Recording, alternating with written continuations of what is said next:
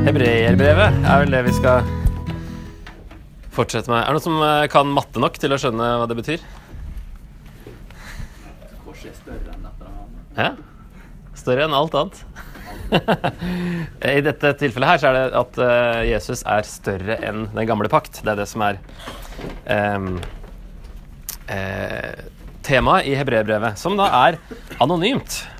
Det er jo litt spesielt, for vi har jo ikke eh, så mange andre brev som vi da er så clueless på hvem som skrev. For her er det egentlig ingen som vet. Du har liksom de andre sånn Johannes-brevene og sånn, så kan du liksom Det høres Johannes ut eh, og sånt. Eh, men her er det eh, vært mange forslag. Men eh, ingen som da kan si med Eller ingen som har overbevist alle andre. Men eh, det ble jo trolig, eller tidlig så ble det knytta til Paulus. At det kommer fra en paulinsk krets, som vi kan si. Eh, Det var nok noe av det som var liksom med på å godkjenne det. da, At eh, han kjenner Timoteus, han nevner jo han på slutten. Men innholdet er jo superbra. Det er jo ikke noe gærent med innholdet i det hele tatt. Det er eh, eh, rett teologi, og det er jo det viktigste. Men så måtte det da samtidig bli knytta til en apostel for å liksom kunne Det var liksom det som var helt naturlig for de første kristne. At det var de som hadde fått autoriteten av Jesus til å, til å skrive ned. Eh, Så det ble trolig skrevet til jødekristne.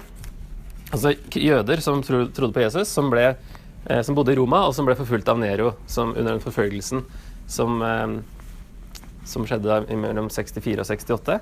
Eh, det er litt sånne spor Han sier helt nest siste verset De fra Italia sender dere sin hilsen. Og da er det liksom OK, er han i Italia, det vil si cirka, eller sikkert Roma, og hilser til andre? Eh, Eller er han utafor og har møtt noen fra Italia som hilser hjem? Det er liksom de to eh, mulighetene vi har. Men de fleste vil nok si at han nok er i Italia, og da kanskje i Roma. Og det passer med den, det tidspunktet der og med andre ting eh, i brevet. Eh, og at det da kan være at disse jødekristne, som da når det var forfølgelse av kristne, så tenkte de kanskje at ok, vi kan jo bare gå tilbake til jødedommen. Det er ikke så forskjellig. Eh, og da unngår vi forfølgelse. Det kan være Det er i hvert fall en vanlig tolkning da, eller for bakgrunnen her. At det er derfor han skriver. Og det passer jo ja, som sagt med at det er, det er hele veien at Jesus er større enn den gamle pakt. Så det må være et eller annet med forhold der, i hvert fall. Eh, noe med den gamle pakt, og at eh, de nok var jøder fordi det er veldig mye Jeg forventer i hvert fall veldig mye GT-kunnskap, da. Men det gjør for så vidt Paulus òg, av hedninger. Men eh, her er det kanskje enda mer. Så en sånn oversikt av brevet, bare for å se liksom hvordan Jesus eh, er større enn alt annet. Så begynner det med at eh, Gud har talt tidligere gjennom profetene mange ganger og på mange måter. Har Gud i tidligere tider talt til fedrene gjennom profetene, men nå, i disse siste dager, har han talt til oss gjennom Sønnen. Og så at Gud er, eller Sønnen er um, utstrålingen av Guds herlighet og bildet av hans vesen. Altså at det er Han er, uh, han er Gud, egentlig.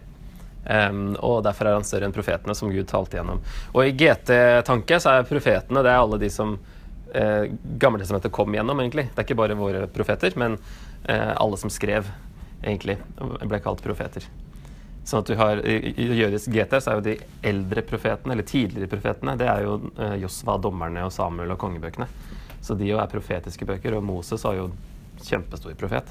Så egentlig hele GT sier noe her med en gang. At Jesus er større enn alt der. Så går han videre de første to kapitlene om at Jesus er større enn englene. Og da også større enn Moseloven, siden Moseloven kom via engler. var i hvert fall en sånn tanke i jødedommen, og det er noen vers i Moseloven som, som virker som eh, de henter det fra. Eh, at Jesus ikke er noen engel, han er over alle englene.